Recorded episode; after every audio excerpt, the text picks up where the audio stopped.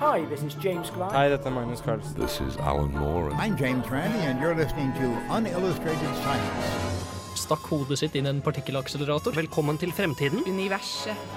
Spørsmålet er egentlig kan du få mennesker inn i? Forskningsnytt. Ta parallellkoble en del Jo, meloner. eneste som er ja, Uansett, vi går videre. Kvikksølv! Uillustrert vitenskap.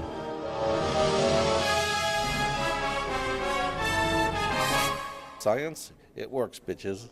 Uillustrert er tilbake på lufta etter sommerferien. I denne sendinga skal vi ta igjen litt av det som har skjedd siden sist. Og I tillegg så har vi tips til deg som har starta på skole igjen, for å få bedre opplevelse av forelesninger og for å unngå prokrastinering. Ja, hallo, hallo, hallo, og velkommen tilbake til oss her i Uillustrert, vit Uillustrert vitenskap. Mitt navn er Andreas Haugland, og med meg i dag så har jeg Martin. Hallo, hallo. Jeg har Andreas. Hei, hei. Jeg har Håkon. Yes. Og så har jeg faktisk en til Andreas. Ja, det har du. Fy har jeg. Hvordan går det, gutter? Går jævlig bra. Ja, det går sykt bra. Ja. Vi må si det. Ja. Deilig å være tilbake igjen. Det er ikke dumt å være tilbake igjen. helt fantastisk. Ja, føles veldig godt. Sommeren er over. Sommeren er over, klar til skolen. Ja, Ja. føles bra. Alle, mange superlativer i hvert fall. Altså, jeg kunne gjerne hatt sommerferie i minst to uker til, men Ja, det går fint. Det går fint. Det går så å fint med den gjengen her, gjør det ikke det? Jo, Det hjelper jo godt å være her nå. Det er det det gjør. Men i dag, i dag så skal vi faktisk snakke litt om uh, skolerelaterte ting nettopp. Og eh, vi skal gå innom litt forskjellige nyheter som har skjedd. Uh, ikke alt, selvsagt, for det er lenge siden siste sending. Sommerferien har vært lang. Selv om det ikke kjennes sånn ut for alle. Eh, men før alt dette her kommer, så skal vi høre dagens første låt, som er 'Flying On The Ground' av Telle Frade.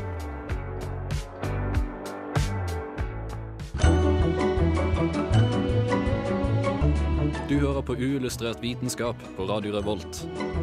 Nå med alle Andreassene du trenger, pluss to til.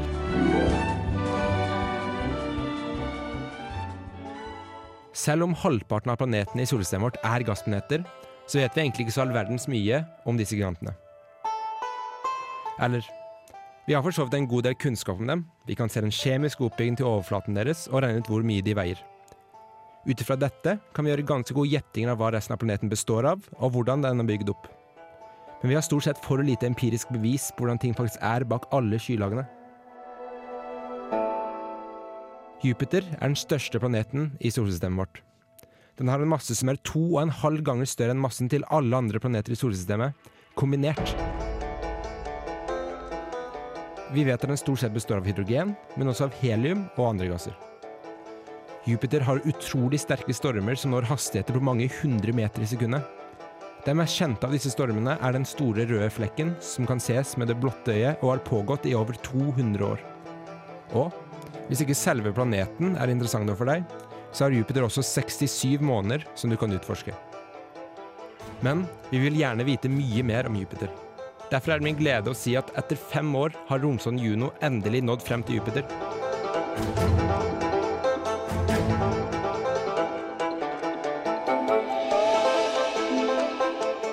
Her skal en gå i bane rundt planetens poler i 20 måneder og samle forskningsdata.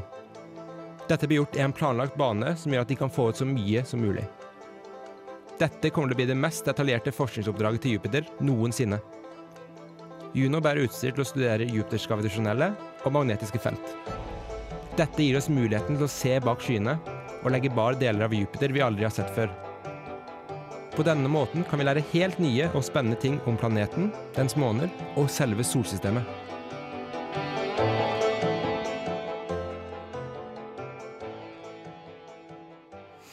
Jupiter, vår, vårt solsystem sin største planet. Det er en utrolig fascinerende planet. eh, Men tidligere så har vi jo bare sett på månene stort sett, da, når vi har gått reist ut og se her.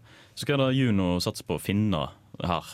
Ja, en, en, en gøy ting i starten er at selv om Jupiter er den den største planeten i solsystemet Ja. og veier like mye som eh, to og en halv ganger de andre planetene til sammen, så har han fortsatt bare en tusendel av massen til sola.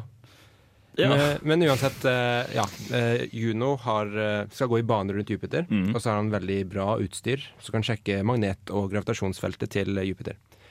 Og da kan han på en måte sens, eh, kjenne ting som skjer under skylagene, da, og se innover. Når vi vanligvis har bare kunnet sett på overflaten. Og en interessant ting vi kan finne ut av, det er om har Jupiter en, en, en solid kjerne. Ja, akkurat, ja. Ikke sant? Eh, Og hvis vi finner ut at Jupiter har det, så kan det fortelle oss mer om eh, hvordan andre gassplaneter er bygd opp, om de har kjerner.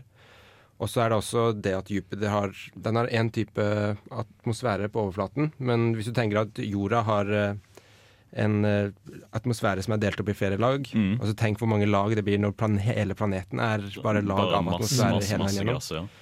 Og så om det er liksom noen veldig interessante hemmeligheter langt inne. Fordi vi vet veldig lite om hva som skjer etter de første kilometerne. da. ja, sant. Og, det er jo, Og, tenk, det, er de første kilometerne det er lite i sammenheng med Jupiter. ja, og dette kan lære oss å finne ut hvordan eh, Jupiter eh, har blitt Hvordan den oppsto. Som igjen kan lære oss om hvordan, plan eh, om hvordan månene rundt Jupiter oppsto. Og vi er veldig interessert i månen til Jupiter. Mm. Kanskje mer enn vi er i Jupiter selv. Mm. Og hvis vi lærer om hvordan Jupiter oppsto, skal vi lære om hvordan de andre planetene i solsystemet oppsto, og så mer om hvordan solsystemet selv oppsto. Ja, for det blir liksom- litt sånn på en måte som en minisolsystem, da, med at det er gasskjemper som ikke er helt ei stjerne, for å si det sånn. Og så er det masse småplaneter da rundt eh, som en da kan studere. Så du liksom du får det i miniatyr, så du kan se på det. Mm. Og så er det ja, så er det en refleksjon av at ethvert element av eh, kunnskap du kan lære om solsystemet, Ja. kan for, klare forskere som regel å bruke til å lære Til å knytte til mange andre ting, og så kan de lære om alt annet. Ja, helt sant. Ja. Um, Det som er veldig interessant med eh, Juno, da, det er navnet står egentlig for Jupiter Near Polar Orbiter.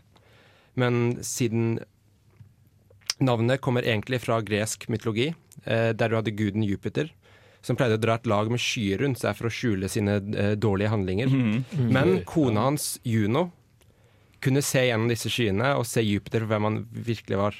Og på samme måten så kan eh, sonden Juno se gjennom eh, planeten Jupiter og se dens indre. En annen ting som er litt morsom, er at de fleste månene til Jupiter er navngitt etter elskerinnene til Jupiter. Jupiter. Så det NASA har gjort nå, det er at de sender rett og slett kona til Jupiter for å se på dette her og for å avsløre alle tingene som er gale. Stakkars Jupiter. Han har en hard tid i vente. Og så er han også en del interessant last på Juno. Ja. Eh, Det er eh, legofigurer som skal eh, representere eh, Juno og Jupiter, altså de greske gudene. Og så Galileo Galilei var jo, var jo en utrolig astronom. Han retta teleskopet sitt i himmelen, og så så han blant annet eh, lærte masse mer om Jupiter, og så lærte han at for første gang at den hadde måner. Mm. Og det er en sånn plakke, eller jeg vet ikke om det er det norske ordet, da, men en sånn liten, liten brikke med tekst, Mm. hvor det er et utdrag fra boka. Galileo skrev eh, om, om det han så i himmelen. Og så den, den passasjen han skrev om Jupiter, hvor han liksom først innså at det er noen måner rundt han, den er med da, ute i verdensrommet. Mm. fascinerende. Men vi skal ned igjen på jorda etterpå, vi. Skal vi det? Ja, det skal vi. Eh, For eh, ganske nylig så har det vært litt i mediene at eh, veldig veldig mange reinsdyr bare helt plutselig falt om. Eh, Det kom eh, etter denne låten her, som er 'Secrets' av eh, Great News.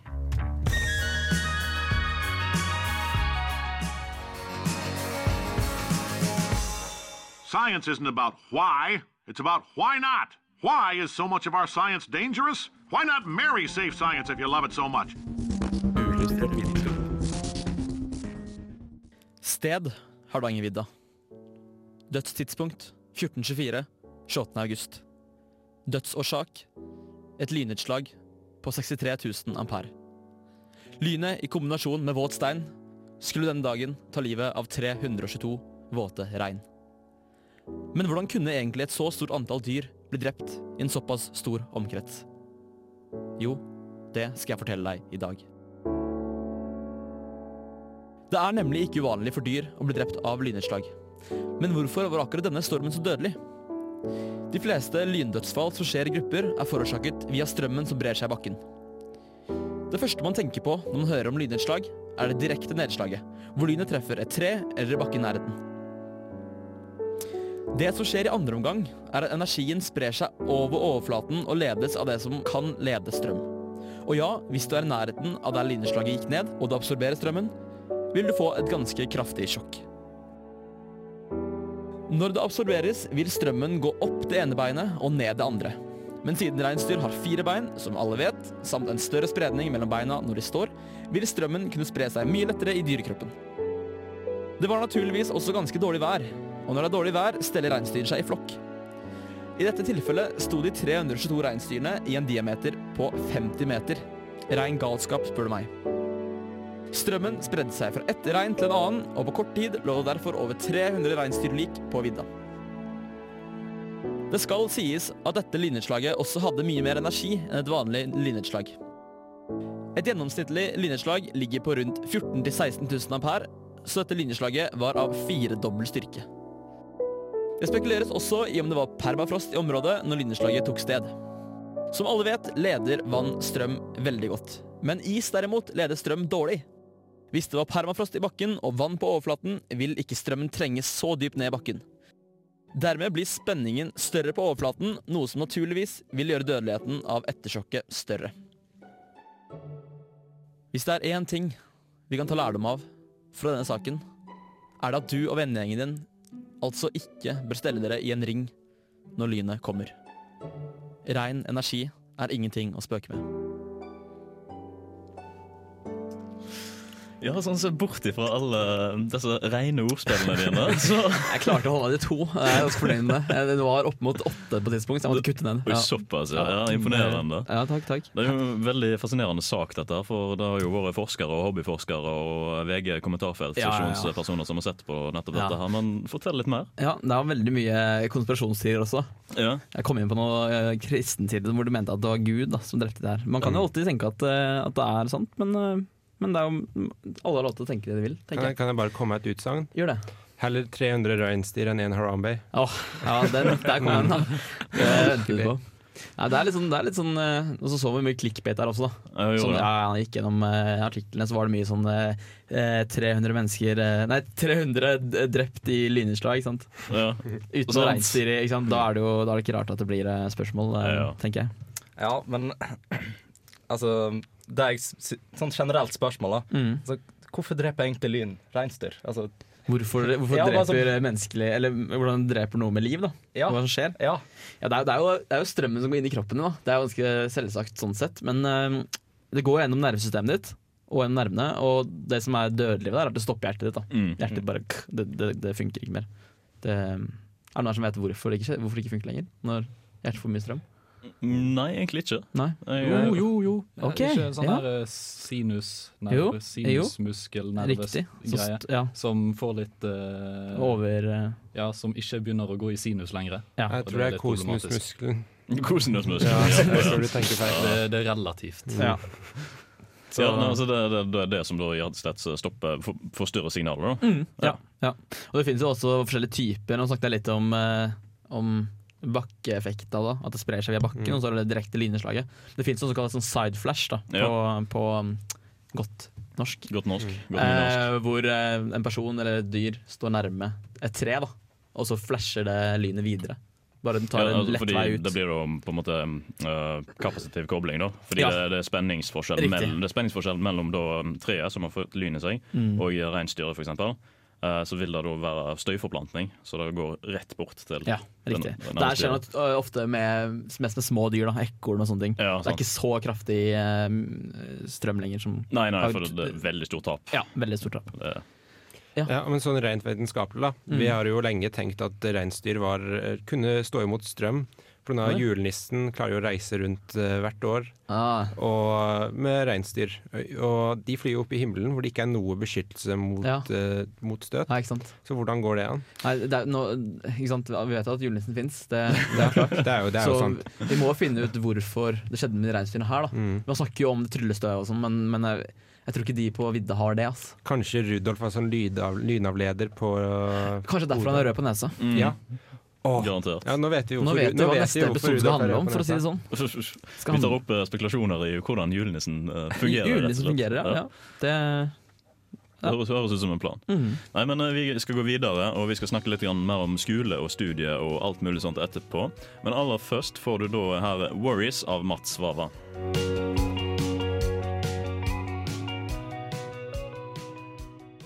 Hi, this is James Grime from Numberphile, and this is Unillustrated Science.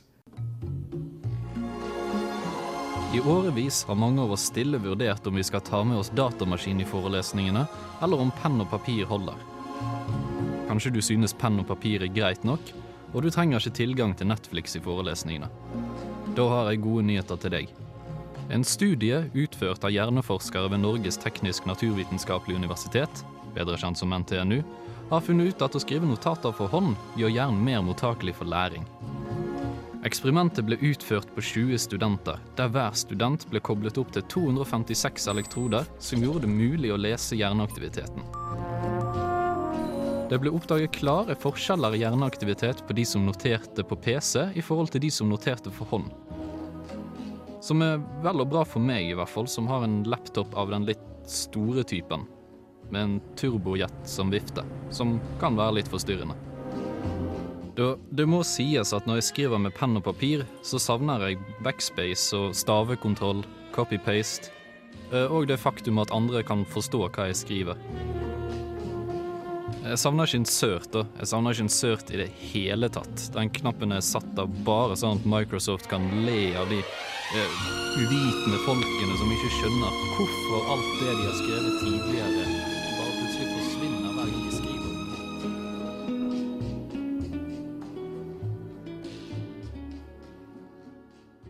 Det er jo fascinerende studie, dette, her, for det er jo noe som er veldig aktuelt for oss, og ikke minst for uh, dere lyttere der ute, vil jeg se for meg. Mhm, ja. Um, altså, fortell litt mer. Jo, det som studien fant ut gjennom bruk av sånn EEG, som er de der elektrodene man fester til hjernen. Mm. ut. De som ser ut som, når du får det på, så ser det ut som science fiction-film. Ja, ja, på en måte.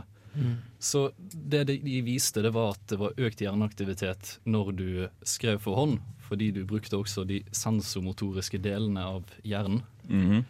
Og det som da skjedde, det er at man har på en måte flere deler av hjernen som kan fange opp den informasjonen du skriver ned. Ja, for du, får du litt i muskelminnet på en måte i tillegg. På en Ja. ja. Og det er jo greit å ha, for Ja. da kan man huske det bedre. Jeg kan forresten si at det var da Audrey van der Meer og Ruud van der Weel som var de som utførte studien. Ja, her på NTNU? Ja, professorer på, på Hmm. Psykologisk institutt. Akkurat det. Profesjonell bachelor? Satser på Ja, profesjon. det mulig, mulig. Men Var det her kun liksom med skriving, eller var det også sånn at de gjorde mye annet mens det var PC-en? Tok til i betraktning at man også gjør mye annet samtidig? Nei, men det tok de faktisk eh, hensyn til Eller det tenkte de på i en studie i USA. Ja. Der eh, tok de og snakket eh, om hvor mye bruk som eh, Hvor mye PC-en var brukt Mm. under, under Skal vi si under timene. Og da viste det seg at 40% av tiden blir brukt på urelaterte ting. Mm. eh, Facebook, sånne ting. Og at eh, 90% sa at de brukte online-apper, eller Facebook, i minst fem minutter i hver forelesning. Og 40 60% sa at de eh, skal vi si, ikke fikk med seg halvparten av forelesningen pga. Av at de, det. Wow. de brukte andre Ja. PC-en til andre ting. Men hvem så på memes? Det var sikkert de som alle. ikke fikk med seg Ja. noe. Med ja. Memes. 60 Mace. så på memes. Wow. Men eh, det, er også, det var også en lignende studie i USA. Der tok de og I 2014 der tok de ca. 100 studenter. og Der var det noen som skrev notater for hånd, og noen skrev for PC. Og så ble de testet idet de hadde blitt undervist i en uke seinere. Ja. Men det de gjorde her i, eh, på NTNU, var jo det at de festet ting opp til jern, sånn at du fikk litt mer sånn eh, konkrete bevis Eller Ja, med et konkret fikk, svar på Ja. hvorfor det er sånn. At det ikke var sånn- bare et lite selektivt utvalg på Ja. personer som kan være A- eller E-studenter, rett og slett. Ja, Ja. ja. Nei, jeg noterer for hånd i de fleste fag. Fordi Ja. det er eh, greiest, da. Ja. Man har så mye frihet. Og så kan man tegne også. Mm. Altså, jeg ser jo meg for meg den, for, den, for, den fordelen for folk som har lesefag, ser jo for meg at kanskje det å skrive på PC at det fungerer bedre. Men med en gang du har mat mattefag og skal begynne med formler og alt mulig sånn som det, så føler jeg det er helt umulig å Ja, skrive på man PC. matte, kjemi og Mm. fysikk. Det går liksom ikke. Har du tablet, så kanskje ja, men uh, tastatur? Nei. Er det mange som bruker, eh, som bruker tablet og, og skriver? Sånn eh, Jeg ser, Ja, alt, sånn- jeg ser alltid et par i forelesningen. Ja, det er alltid et par. Og så er det ofte noen som har eh, De har lasta ned forelesningspapirene på tableten, og så noterer de over det. Ja, men Det har jeg jo sett på med PC, faktisk. Mm. Mm. Bare gjør det på PC. Hmm. Det, Det, Jo, det burde de òg testet. De burde hatt en studie til. Skrive for hånd på tablet i forhold til å skrive med penn og papir. Ja. Og så en som skriver på steintavle. Og så Stein. Bare Ja. for å fylle ut hele, hele spekter av ting du kan faktisk skrive på. Men en liten spørrerunde, da. Eh, hvem av dere er det som bruker eh, papir, penn og papir? Jeg bruker penn og papir. Én, to, Penn og papir. tre, fire, papir. fem. Fem av fem Oi. i Ulestret bruker penn og papir. Ja, Så vi i, vi i Ulestret anbefaler penn og papir. Her har du Profitair av Day of the Jackalope.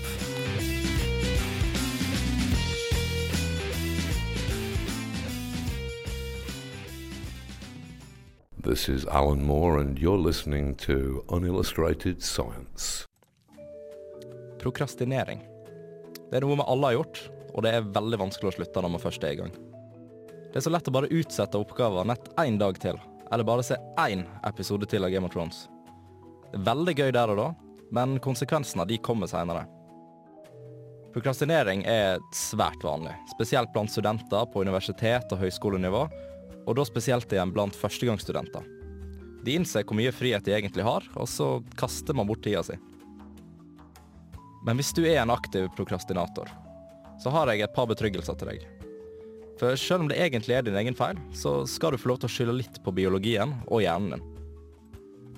En del av hjernen din er det limbiske system, og det er den delen av hjernen som styrer de antonome funksjonene dine.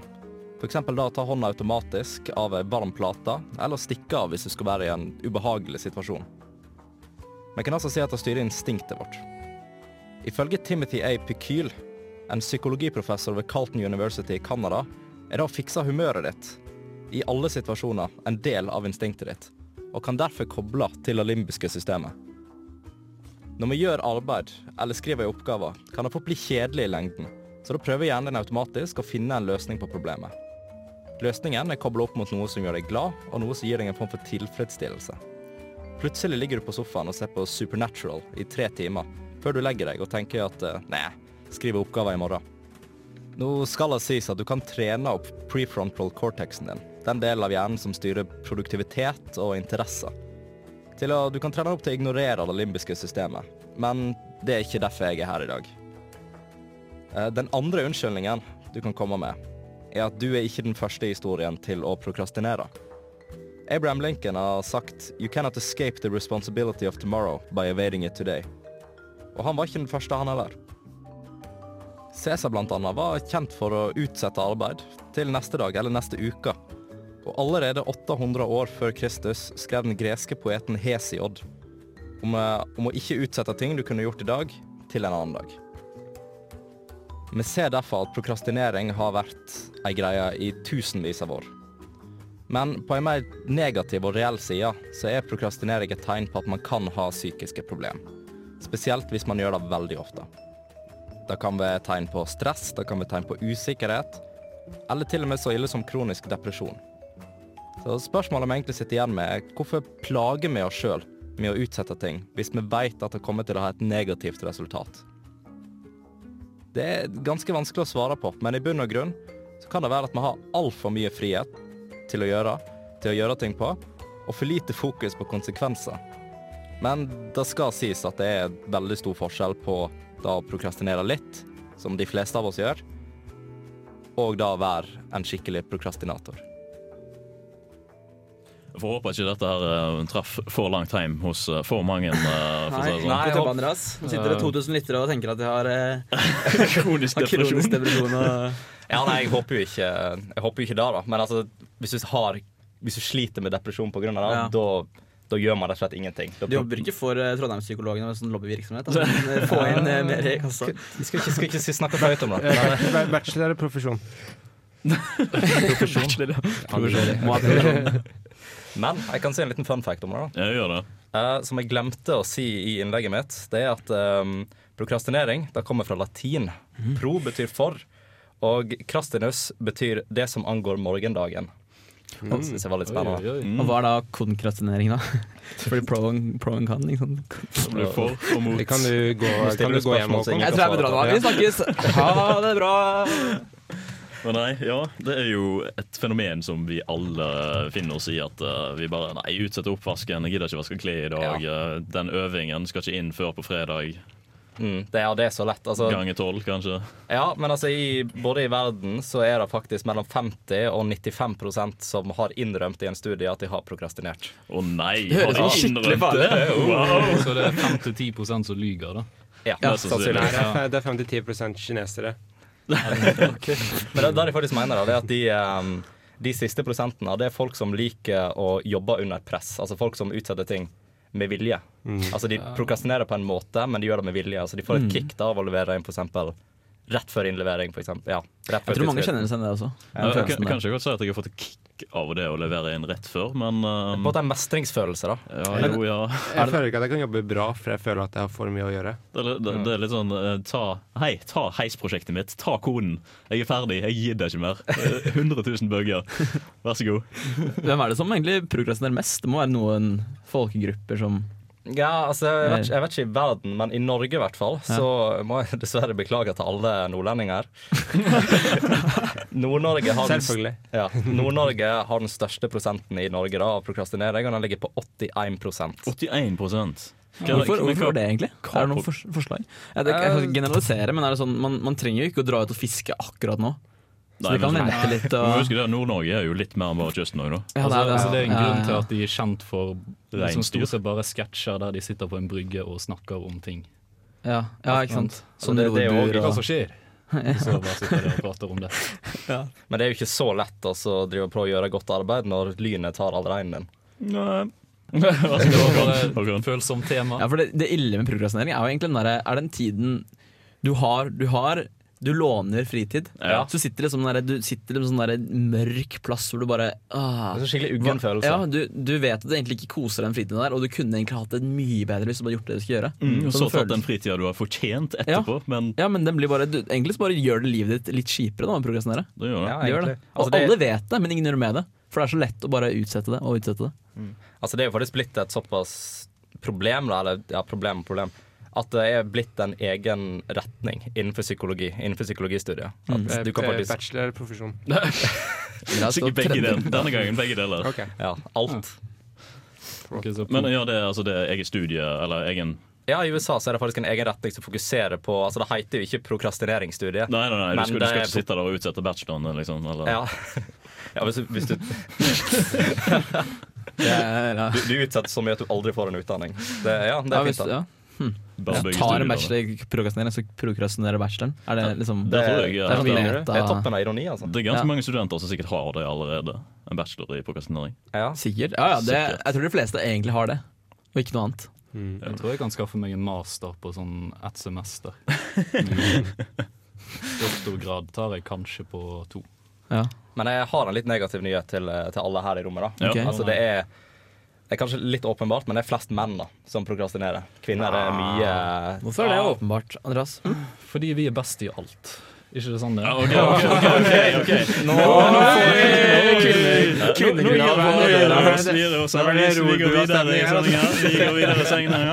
Neste låt ute, 'Helicon Years' av Panda Panda.